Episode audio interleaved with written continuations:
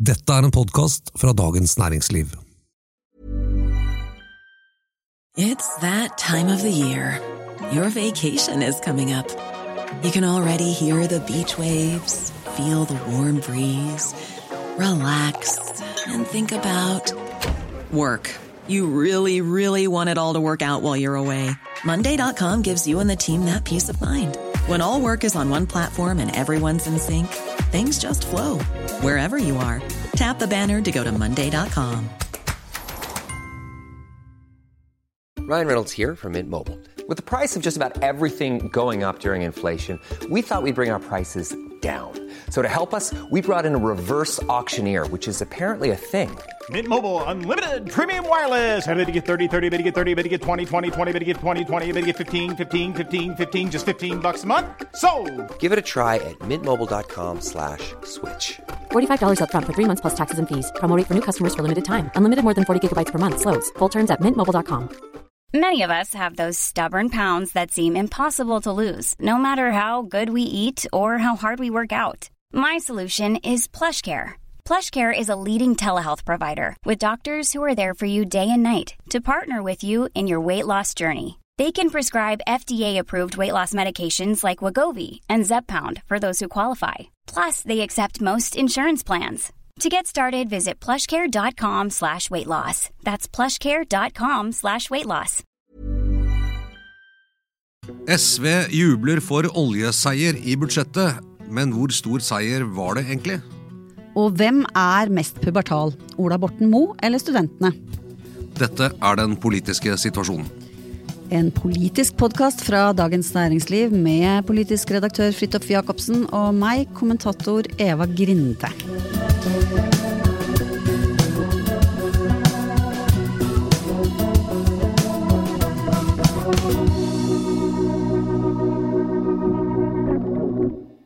Ja, Det er fristende å begynne med det pubertale, men vi skal ta budsjettet først. ja, vi gjemmer godbitene til slutt. Eh, I går, eh, eh, tirsdag, ble det lagt frem et eh, ferdigforhandlet budsjett mellom SV og regjeringspartiene.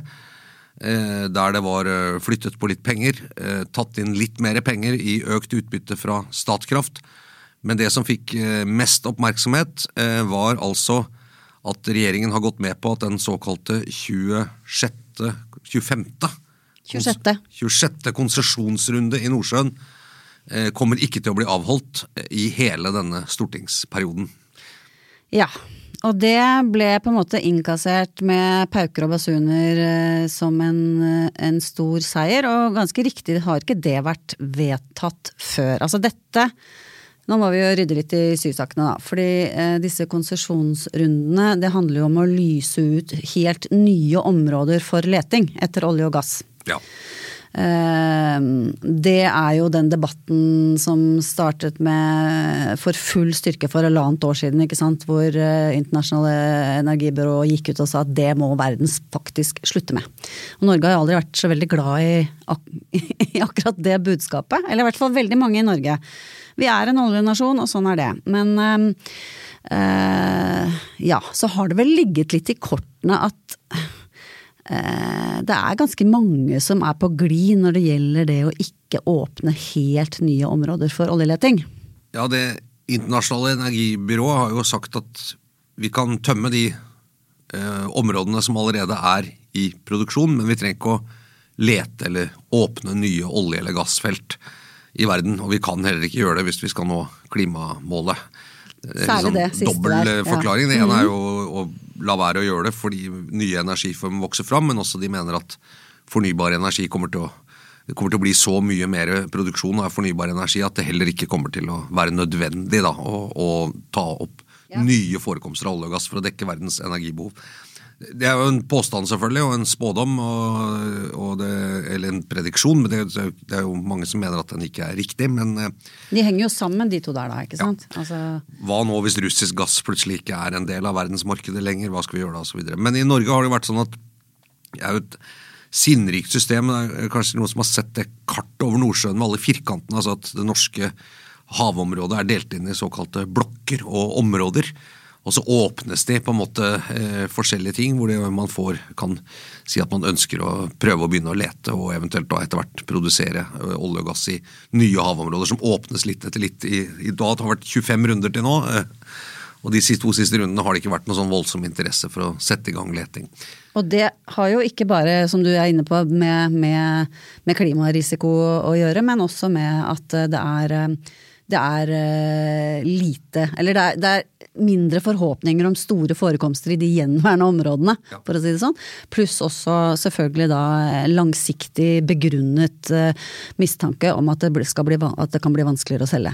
Ja. Etter hvert som alternative energikilder Så tror man nok at det fins en del gass, i hvert fall i Barentshavet, altså veldig langt nord.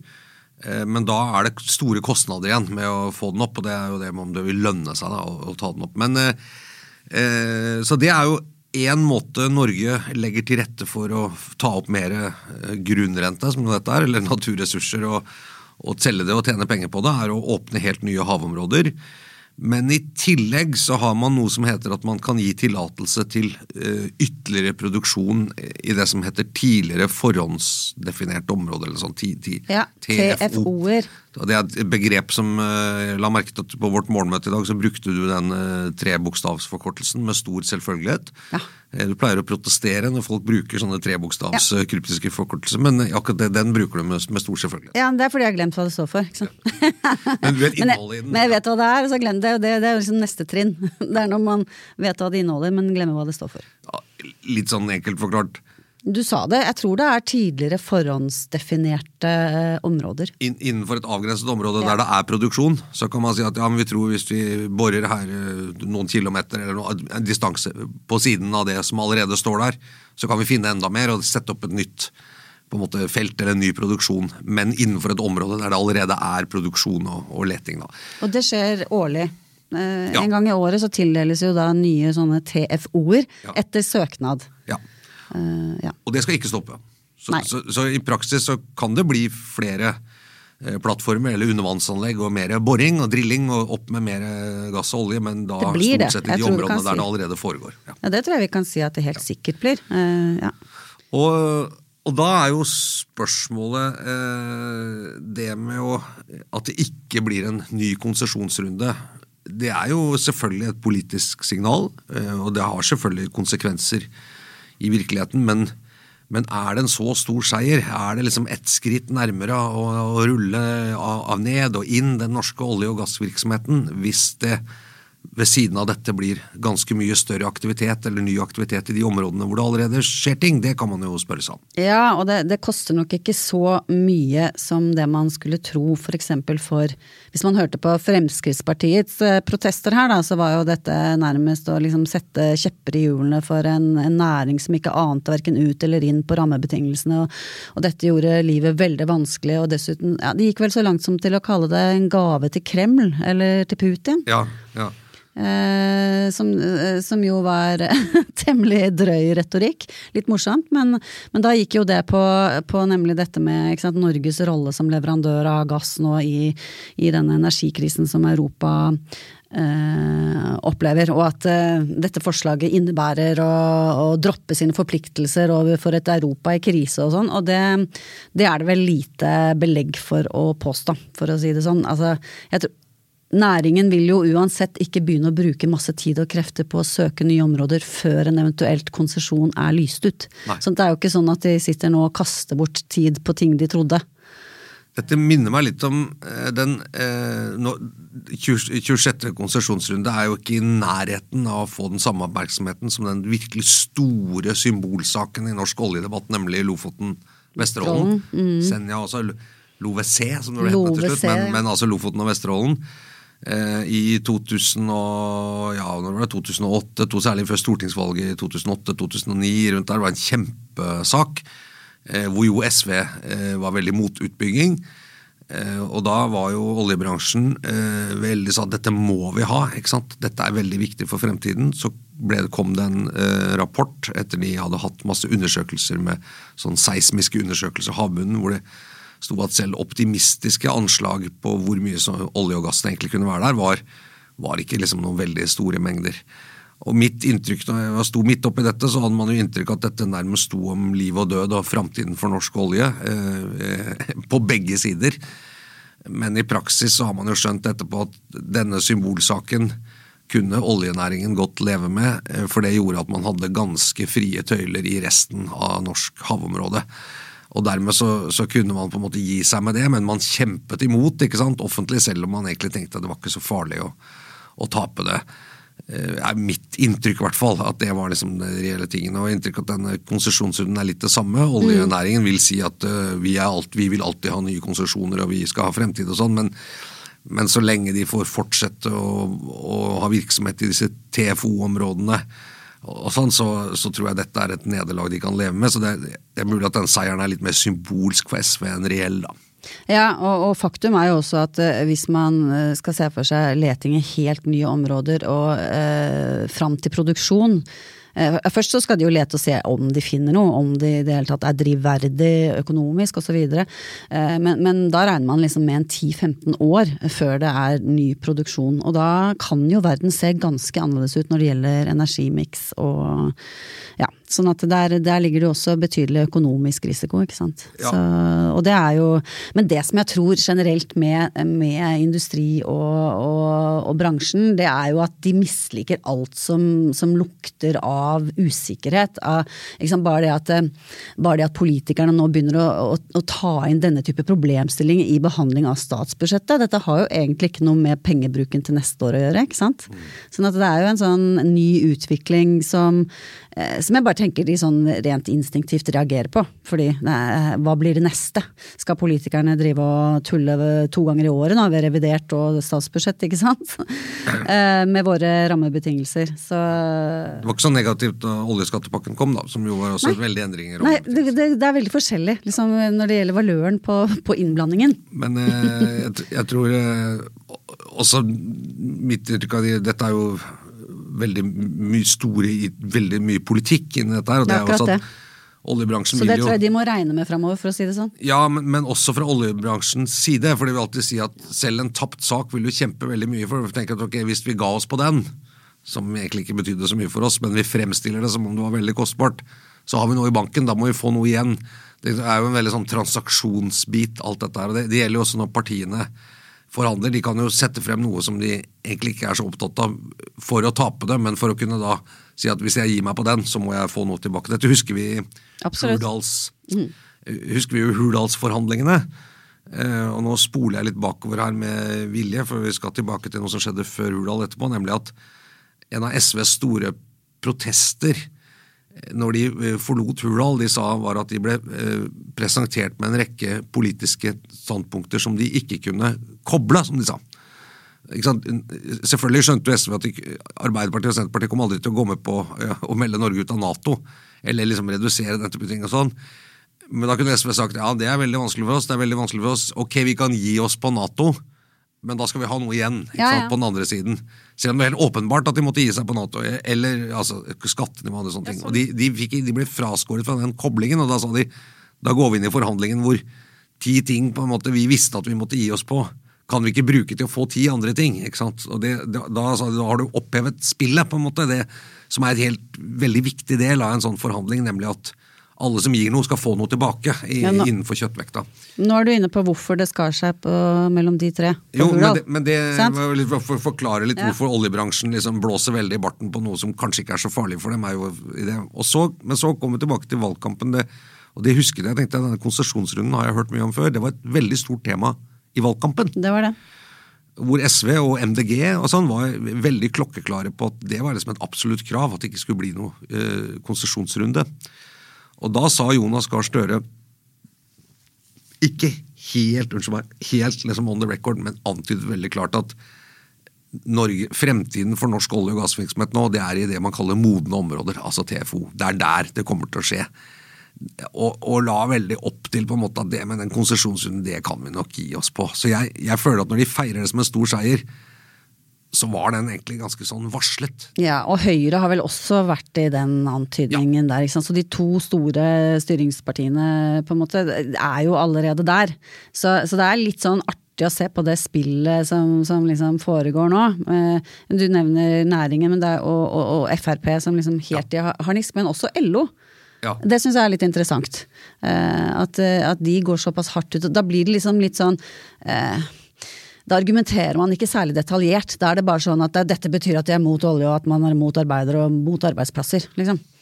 Eh, Ja, det er, omtrent. det er jo det politiske forsøket på å flytte midten lengst Ja. mulig over i sin retning. Ja. sånn at vi forhandler liksom om, om at det vi kompromisset vil ligge lengst mulig i vår retning. Og da vil, da, sånn, Det høres jo litt rart ut, men da vil man hele tiden fremstille veldig mye ting som egentlig eh, kanskje er ganske åpenbart. Det var ganske åpenbart at dette kom til å skje, ut fra hva som ble sagt i valgkampen osv. Skjedde det ikke i første statsbudsjett, men i, men i andre. Eh, Forrige gang Men jeg syns LO med hell kan begynne å liksom se litt eh, større på samfunnet. Altså, jeg syns ikke det kler dem å være fullt så eh, brune Frp-like i argumentasjon. Olje. Nei, ikke brune! ja, brune på olje. Ja, Ja. oljebrune. Nei, Ja, oljebrune. eh, nei men, men dette er jo, sant, for, særlig for industrien, da, så er jo dette Her ligger det jo et skisma i Arbeiderpartiet også, med, med De lagde jo et veldig Og forlik mellom AUF og, ja, og, og særlig Fellesforbundet. Mm. Som ikke De er opptatt av å beholde oljeindustrien, som er godt betalte, trygge arbeidsplasser som har store ringvirkninger for mange eh, bedrifter der LO, eh, som er LO-organisert. Eh, og da vil de jo hele tiden forsøke å trekke oljepolitikken så langt over på sin side som mulig, også da ved å protestere hardt mot alt som går i den andre retningen. Ja, jeg skjønner hva det er de prøver å få til. Jeg bare lurer på om de hadde vært tjent med å vise at de forsto liksom litt mer av hvor sammensatt verden er framover, enn å bare pukke på det sånn helt ensidig. Men det er bare sånn tips til LO fra Ja, du tror det er dannelse, som- dannelse som gir gjennomslag i Nei, politikken? ikke, Ja. ikke dannelse, men, eh, men at eh, liksom hvis folk flest forstår mer av sammenhengen enn det de talsmennene gjør, så kan det jo, kan det jo liksom komme i rekyl da, og være altfor ensidig. Dette tror jeg ble sagt av noen Det tror jeg var da Senterpartiet var i en borgerlig regjering, som jo de var eh, en stund på, på slutten av 90- og begynnelsen av 2000-tallet. Men det ble jo sagt at Senterpartiet per definisjon hadde veldig sterke motstand mot ting som var langt utenfor deres hjerneområder, alltid. Nettopp for å skaffe seg den kapitalen. At det var ikke grenser for ting de kunne være negative til, liksom, men det var alltid fordi det skulle være gjenytelse. ja. Ja. Så det er jo litt sånn, sånn der, men det ser jo litt, jeg er enig, det ser jo liksom litt sprøtt ut fra utsida. Eh, men eh, kjempestor seier for SV. Jeg, Nei. Nei, og, og litt sånn rart kanskje at de trakk frem det, eh, av alle ting. Jeg ville, jeg ville trodd at de kanskje ville betont mer av det som jeg tror engasjerer mange SV-velgere, i hvert fall, eh, nemlig fordelingspolitikk, og særlig det vi er nå, hvor mange rett og slett har fått veldig dårlig råd. De som hadde dårlig råd før, er, nå i en situasjon hvor de liksom begynner å få kritisk dårlig råd. Det er jul. Jeg tror mange de sliter litt med hvordan skal få råd til julegaver. og og, det er jo veldig vondt, ikke sant? Eh, og, og, og det vekker jo veldig stor sympati, men litt, kanskje litt rart å trekke frem akkurat den saken som den store seieren. Min tolkning av det er mer det at det var eh, liksom svære aktører ganske kjapt ute og, og protesterte, og dermed så ble det en sak. Altså, det er jo litt vår skyld da, også. Vår dynamikken i mediene, konflikter. Ikke sant? Kommer Mm. noen ut og går rett ut mot et eller annet, så er det jo veldig lett å sette dem opp mot hverandre. Og sånn. altså, kanskje det har fått litt sånn uforholdsmessig mye støy av den grunn. Ja. Vi sitter jo og prater om det, vi òg. Ja da. Prøver å dekonstruere, da. Men eh, jeg, jeg så en måling i dag på Alltinget, den eh, nye eh, nettstedet for, for politikk, som hadde en meningsmåling i dag sammen med ABC Nyheter, tror jeg, hvor, hvor det gikk dårlig. Senterpartiet var under sperregrensen på den målingen. Det var jo det som ble, ble mest oppsiktsvekkende. Men en annen ting der var at Rødt var større enn SV.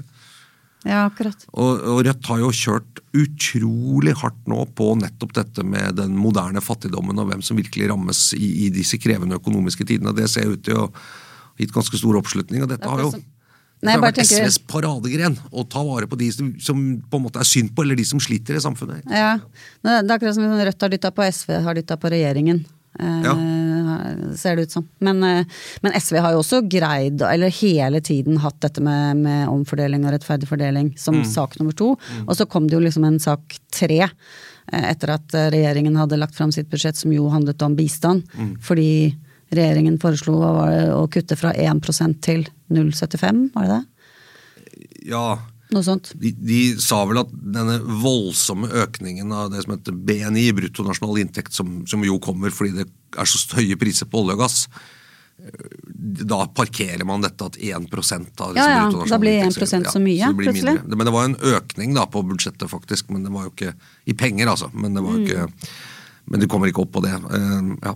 Vi kan jo nevne en, en litt spesialitet til med dette, denne enigheten, da, som er dette verbalpunktet om Ukraina.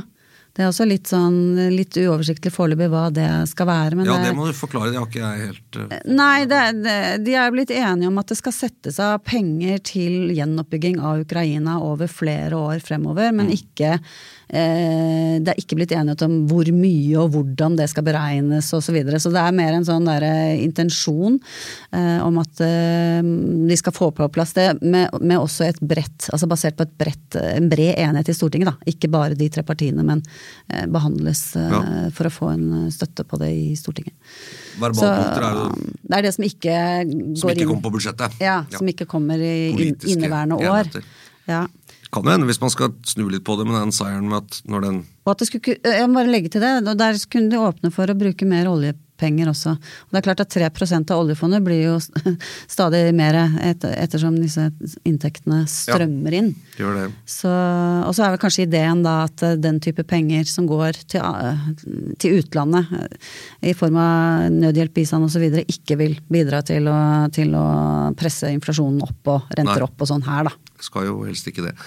Eh, men det kan jo også hende, hvis man skal Nå er jeg jo liksom inne i det spekulative, men det, det pleier vi aldri å være her, men, nei, men ok, da. Det å få sånne politiske gjennomslag som ikke koster penger, kan jo være tegn på at du ikke kom lenger på det du ville ha av penger. Med enda strammere skatteprofil, enda mer fordeling, enda mer penger til de som sliter. Og så kommer det til en stopp der, og så sier de at ok, men vi må ha noe likevel for å gå om på dette. Ja, da kan dere få at vi nå utsetter denne konsesjonsrunden i hele perioden. Der, så kan du få det som en seier. Mm. Det ville også vært et type sånn politisk transaksjon, og i sånne budsjettforhandlinger så kan ofte For å slippe å gi fra seg penger på budsjettet, så kan man gi noe annet som ikke koster penger. Og SV Forrige regjering var ganske opptatt av sånne seire som ikke var budsjettseire, men som, hadde, som ikke gikk på pengene og fordeling, men som gikk på, da, på mer eh, politikk. da. F.eks. å si nei til noe, eller sånne ting. Mens Senterpartiet tradisjonelt alltid har vært opptatt av å sørge for å få flytta penger dit de vil. Noe de jo har lykkes godt med i dette budsjettet, får vi får vi si, med jordbruksoppgjør og sånt friskt i minne. Det måtte jo også et SV til for å få, for å få reddet eh, norske studenter fra en kald og hard vinter. Ja, og det skal vi snakke mer om eh, hvert øyeblikk. Det skal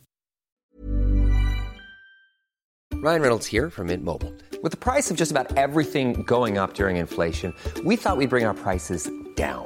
So to help us, we brought in a reverse auctioneer, which is apparently a thing. Mint Mobile unlimited premium wireless. Ready to get 30, 30, bit to get 30, bit to get 20, 20, 20, bit to get 20, 20, bit to get 15, 15, 15, 15 just 15 bucks a month. So, Give it a try at mintmobile.com/switch. slash $45 up front for 3 months plus taxes and fees. Promo for new customers for limited time. Unlimited more than 40 gigabytes per month slows. Full terms at mintmobile.com. Get up to 30% off wedding jewelry at bluenile.com and remember the joy of your wedding day forever. Blue Nile offers everything from diamond and lab grown diamond wedding bands to classic pearls, earrings you can design yourself, even gorgeous sapphire pieces for your something blue. Whatever you choose, Blue Nile's pieces are all graded for excellence for a lasting memento as brilliant as the love that inspired it. Right now, get up to 30% off at BlueNile.com. BlueNile.com. Fordi minister for forskning og høyere utdanning, som er hans eh, korrekte tittel eh, på regjeringens hjemmesider eh, Nå kommer vi sikkert til å kalle han litt forskjellige ting i resten av dette programmet, men er, nå vet, har vi sagt at vi kan hans formelle tittel. Det er nemlig Ola Borten Moe, nestleder i Senterpartiet og en kjent og profilert politiker. Og han har jo ikke en post som liksom akkurat forsknings- og studentpolitikk. Det, det, er mye av mange andre politikkområder som er mer opp for tiden, men det har en tendens til å sette dagsorden hver gang han stikker nesa fram. Ja. Og nå har han ikke egentlig gjort det selv, men han er blitt satt på dagsorden av studentene i Bergen. Ja, det begynte i Bergen. Eh, det var vel studentparlamentet i Bergen som rett og slett eh, vedtok at eh, utdanningsminister, vi sier det, høyere utdanningsminister, det går an å si, Ola Borten Moe er persona non grata her hos oss. Og det betyr altså at uh, han er ikke velkommen til å komme inn på the premises. eh, I praksis så vil jo det si de områdene som studentene rår over, da. De, de kan jo ikke liksom bestemme at ikke rektor f.eks. skal snakke med ministeren. Men eh, ja. Uansett. Det er jo ganske sånn sterk tale, da, kan du si. Um, og da må man jo lure på begrunnelsen. Hva har skjedd? Hva har han gjort nå? Um, og, og, og, den begrunnelsen var mer sånn uh, over tid så er vi blitt veldig frustrerte. Han uh, forstår oss ikke. Han er ministeren mot høyere utdanning, ikke for høyere utdanning. Um, han bryr seg ikke om studentenes ve og vel. Uh, det var på en måte hovedbeskjeden. Uh, de ønsker økt uh, kjøpekraft, og de ønsker å bli tatt på alvor når levekårsundersøkelser viser at norske studenter har dårligere psykisk helse enn før, f.eks. Det var noe som ble lagt fram tidligere i høst, og da parerte Ola Borten Moe med at studenter flest har det bra her i landet. Eh, og det er veldig mye bra med situasjonen for norske studenter. Så det er klart, eh, de har liksom ikke blitt møtt. Man får liksom følelsen av at det er sånn Å, du ser meg ikke. Han syns ikke synd på oss. Ministeren min skjønner meg ikke. Nei. Han er sånn, ikke her bare for å gi meg mer penger. Min kone forstår meg ikke. Nei. Eh, men, men var, jeg sa Bergen, men det var der det begynte, sa du. Men var det denne uka? Var det Nei, det fortsatte. Begge deler var vel eh, Ja, det fortsatte ved Universitetet i Oslo, som gjorde samme eh, gjorde samme vedtak. Og så har liksom Stavanger og NTNU og sånn gått ut og sagt det motsatte. Vi syns det blir feil å nekte noe, no, ministeren å komme, det er bedre å snakke med han osv. Så, videre. så det er ikke noe sånn samlet, eh, eh samlet eh, norsk studentmasse bak dette. Men, det, men, det, men det, jeg tenker det var, det var jo et, et smart eh, trekk for å få liksom, problemstillingene opp på bordet. Det, var, det, det, vekker jo, det vekker jo oppsikt, ikke sant. For det er spist, og det er sånn hva i all verden har skjedd nå? Og så er det jo selvfølgelig Borten Moe hjelper jo til å lage, lage enda mer eh, moro ut av, av, noe sånt. For han responderte jo på sitt sedvanlige vis med å si at dette syns han rett og slett var pubertalt. Ja, Snev av arroganse der. snev av arroganse. Ja, Litt forfriskende med litt arroganse i den politiske debatten, men jeg, da, det hører jo hjemme. Det er noe med det. Um, og så er det noe med som gjør at det faktisk er uh, liksom litt lettere uh, enn det, uh, enn det alltid er. Altså litt lettere enn mange andre ganger å være enig med med Borten Moe, fordi at eh, studentene er så veldig raske til å forklare alle problemer med at de trenger mer penger. Altså, liksom, studentpolitikeres oppgave er selvfølgelig å bedre den økonomiske situasjonen for studenter. Men, men, eh, men f.eks. hvordan de brukte dette, disse resultatene om psykisk helseundersøkelser og skjøv dem framover foran seg, eh, for, og forklarte det på den måten at grunnen til det, det er at studenter har så dårlig råd at de må jobbe så mye at de får altfor lite liten tid til å være sosiale og ha det moro, og da blir de lei seg. Ok, Det kan sikkert gjelde noen, men jeg tror kanskje ikke det er en sånn helt gjengs eh, grei forklaring. Og så er den litt sånn sleip, for det er litt vanskelig å si Altså det å hvis man snakker om depresjon og angst og den type ting, så begynner folk ofte å bli litt sånn ja, nei, da skal vi hjelpe deg, liksom. Ja, ja. Men ikke Ola Borten Moe. Nei. nei. nei. altså du må si studenter lærer fort, og de lærer jo da også hvordan øh, politisk argumentasjon ser ut. Fra øh, forskjellige hva man kaller det, særinteresser, da, eller interessegrupper. Nemlig at svaret alltid er mer penger ikke sant? til sektoren og til oss.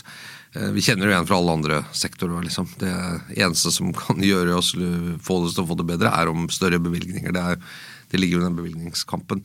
Men, men, er det vil du si, Ola Borten Moe, du, du, har jo en, eh, en, Du har en litt sånn mer enn normal interesse for å følge med på Ola Borten Moes kroppsbygging. Jeg har inntrykk av at du syns han er en fascinerende politiker å følge. Men, men er denne regjeringen er, er, det Når han tar disse fightene, da, konfrontasjonene med norske studenter i de store norske byene f.eks., er er det en del av politikken? Er det en del av Senterpartiets liksom, polariseringsstrategi? Få opp noen konflikter?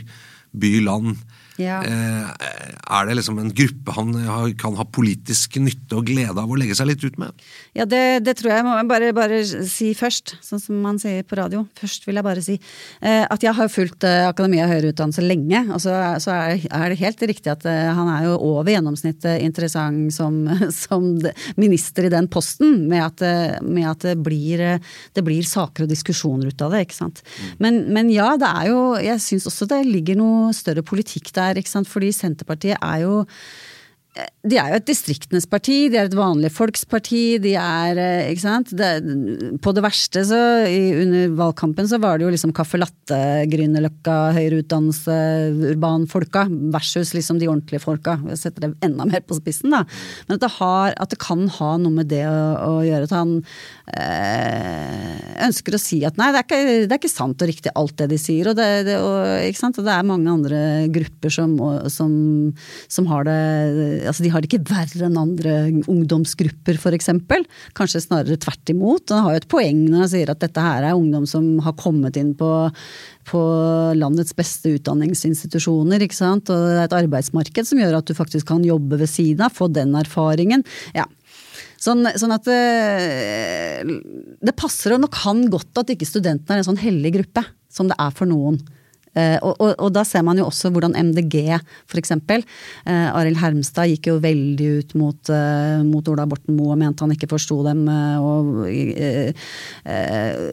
Da disse psykisk helse-rapportene og sånn ble lagt frem. Og samme med Abid Raja nå, som rett og slett mener at fordi studentene ikke føler seg sett og forstått av ministeren, så bør han gå av.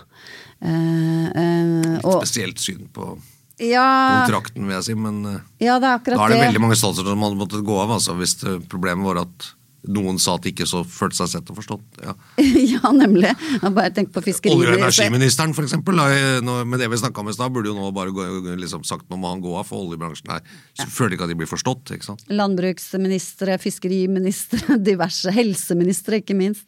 Ja. Eh, sånn at det, det, blir jo en sånn der eh, tolkning at du er, eh, du er sånn tillitsvalgt som skal liksom kjempe til siste bloddråpe for, for, for, sektoren din, liksom. Og det, man har jo også et ansvar som medlem medlem av et, et kollegium, og vi er også Det er en, en annen grunn til at jeg tenker at, at han, Ola Borten Moe, lever jo veldig godt med disse resolusjonene, tror jeg. Det er at timingen for å synes veldig synd på norske studenter er dårlig nå. Ikke sant? Ref det vi snakket om litt tidligere her, med grupper som faktisk liksom virkelig ikke får endene til å møtes. Men, men det er jo interessant med altså Hvis man bare gjør tankeeksperiment om dette hadde vært en kulturminister. Ja. Kulturministre er vi jo vant til eh, på en måte, Deres suksess blir dømt på hvor godt likt de er i sektoren. Ja. Eh, og det, Hvis man bare gjør tanken på Ola Borten Moe som kulturminister, hva ville han da sagt når nå ikke kulturbudsjettet kanskje var litt magrere enn det man trodde? Jeg, jeg tror han ville kjørt liksom, samme stil. Dagens kulturminister har vært litt sånn Jeg beklager, dette var det beste jeg kunne få til, men vi har ikke mer penger. men jeg tror kanskje, ja, Vi har kjørt samme stilen. Hva ville han sagt liksom til Nei, jeg vet ikke ordlyden, men jeg tror kanskje liksom i prinsippet hadde vært mye av det samme. Altså, det, nok, ja. det, det, er mange, det er andre som kanskje eh, sliter mer. Det, det, er nødt til å få konsekvenser for alle grupper osv. Eh, særlig sånne sære storbyteatre og den type ting. Jeg tenkte på Abid Raja som sa at du må gå fordi du ikke får liksom som At på en måte undersåttene innenfor sektoren føler seg sett og, og forstått. Da, da, husker jeg jo hvilket raseri det var fra kulturbransjen mot kulturminister Abid Raja i pandemien. Da ordningene lot vente på seg, at ting var litt vanskelig. Ja. Hvor utrolig sinte man var på det. Så det, det, var litt, kanskje litt selvskudd av Abid Raja. Jeg tror ikke han mente han selv da burde gått av, fordi at folk var, ikke var, følte seg verken sett eller forstått den gangen. Men han er jo også en, en person som, som, lager liv og røre og er gøy å ha i politikken på en måte. Han pleier jo å ta i, for å si det sånn. Et, eh, et velutviklet markeringsbehov. Det må man kunne si. Uten å være altfor usaklig. Eller Han mente liksom Ola Borten Moe tråkket på. Tråkket på studentene, rett og slett. Ja. Ja, plaget dem. Plaget dem, ja. ja trakasserte nesten. Ok. ok. Ja. Ja, øh, Frisk debatt, da, i hvert fall. Si. ja, men, men, interessant, den kontrakten. Jeg, jeg synes jeg ser på Ola Borten Moe, jeg syns jeg ser på mange Senterpartipolitikere, også på Vedum, er jo at de nå i møte med en ganske stor oppslutningskrise for partiet prøver å komme på på litt sånn eh, også dem. Eh, noen klare sånne hva skal man si, polariserte tese, antitese. Altså litt sånn den retorikken som sier at du må velge en slags side. ikke sant? Og, eh, og at, det, eh, at noe av veien til å få mobilisert igjen alle de som nå har satt seg på gjerdet eller som er misfornøyde, er å minne om at Senterpartiet kjemper liksom for én gruppe, en relativt stor gruppe. Da. Det, det Norge vi alle er så glad i, og alt det der, mot de andre, ikke sant, som har vært si, Er det trope det heter? Eh, Vi bare så lei av å si narrativ, men eh, ja, kan si trope istedenfor, ja. Ikke Eh, jambe. Nei, det er noe Nei, annet. Men, eh, men har vært liksom en, en slags fortelling, da. Og, og at de, bruker anledningene også der ved å si at dette med sånn boikott og persona non grata, det som sikkert mange av Senterpartiet vil si er vi sier at det er en gjeng med bortskjemte ungdommer som tar høyere utdanning og lever herrens glade dager og jobber på si og drikker øl og har det godt og koser seg for Det er det de er- det er det som er liksom. underteksten. Ja, ja. Og så skal Ja. de klage for mer penger, det er andre det er mer synd på. Det skjønner Ola, ikke sant? og da går det, det greit. Jeg tror det er mange andre enn han som skjønner det også. Og så er det, ja, det, det er jo også liksom veldig fristende selvfølgelig for alle som Og det er å liksom kalle dette som studentene nå gjør for kanselleringskull, altså sånn wokeisme og Ja, sånn. ok. ikke? Så det, men det syns jeg jo er, egentlig er litt, litt feilslått. Dette handler jo egentlig bare om å få litt oppmerksomhet. Ja, nei, det havner selvfølgelig fort i hele den greia der igjen, ja. ja. eh, Et eh, sirkus, får vi kalle si da. Ja. Eh, Men litt gøy. Vi snakker om det her i hvert fall. Eh, Men eh, nå er vi ferdigsnakket for denne ukens utgave av Den politiske situasjonen. Som er altså en podkast fra Dagens Næringsliv med kommentator Eva Grinde og meg, politisk redaktør Fridtjof Jacobsen. Hver uke der du hører podkast. Produsenten vår heter Gunnar Bløndal, og vi blir veldig glad hvis du abonnerer eller sprer ordet, eller eh, ja, på andre måter bidrar til at eh, at eh, Jeg vet ikke hva jeg skal si Lande der, ja. At Nei, det fortsatt altså, føles hør- meningsfylt. At vi vil bli sett og forstått. Vi vil, egentlig det. Ja. vi vil bli sett og forstått. Ja, er. Vær så snill å se og forstå oss, uh, enten du er student eller politiker eller hva som helst. Så ikke så blir det non grata. Eller så du, slipper du ikke inn. Nei. Uh, ok. Uh, det var det. Vi høres igjen neste uke. Takk for nå. Det vi. Ha det bra.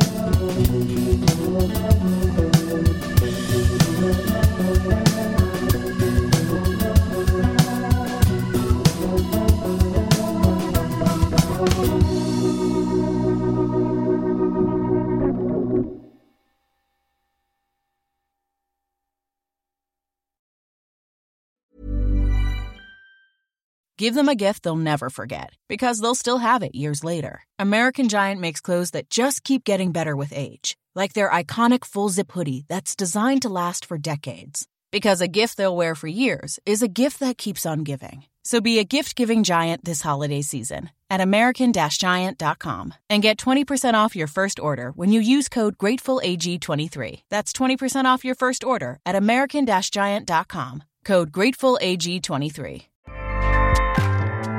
ACAST powers the world's best podcasts. Here's a show that we recommend. Hi, I'm Jesse Cruikshank. Jesse Cruikshank. I host the number one comedy podcast called Phone a Friend. Girl, let's phone a friend. Not only do I break down the biggest stories in pop culture with guests like Dan Levy and members of InSync, I do it with my own personal boy band singing jingles throughout because it's my show. It's your show, girl. New episodes of Phone a Friend Yeah. drop Thursdays wherever you get your podcasts. So work it, girl. Yeah, work it. Okay, that's enough. ACAST helps creators launch, grow, and monetize their podcasts everywhere.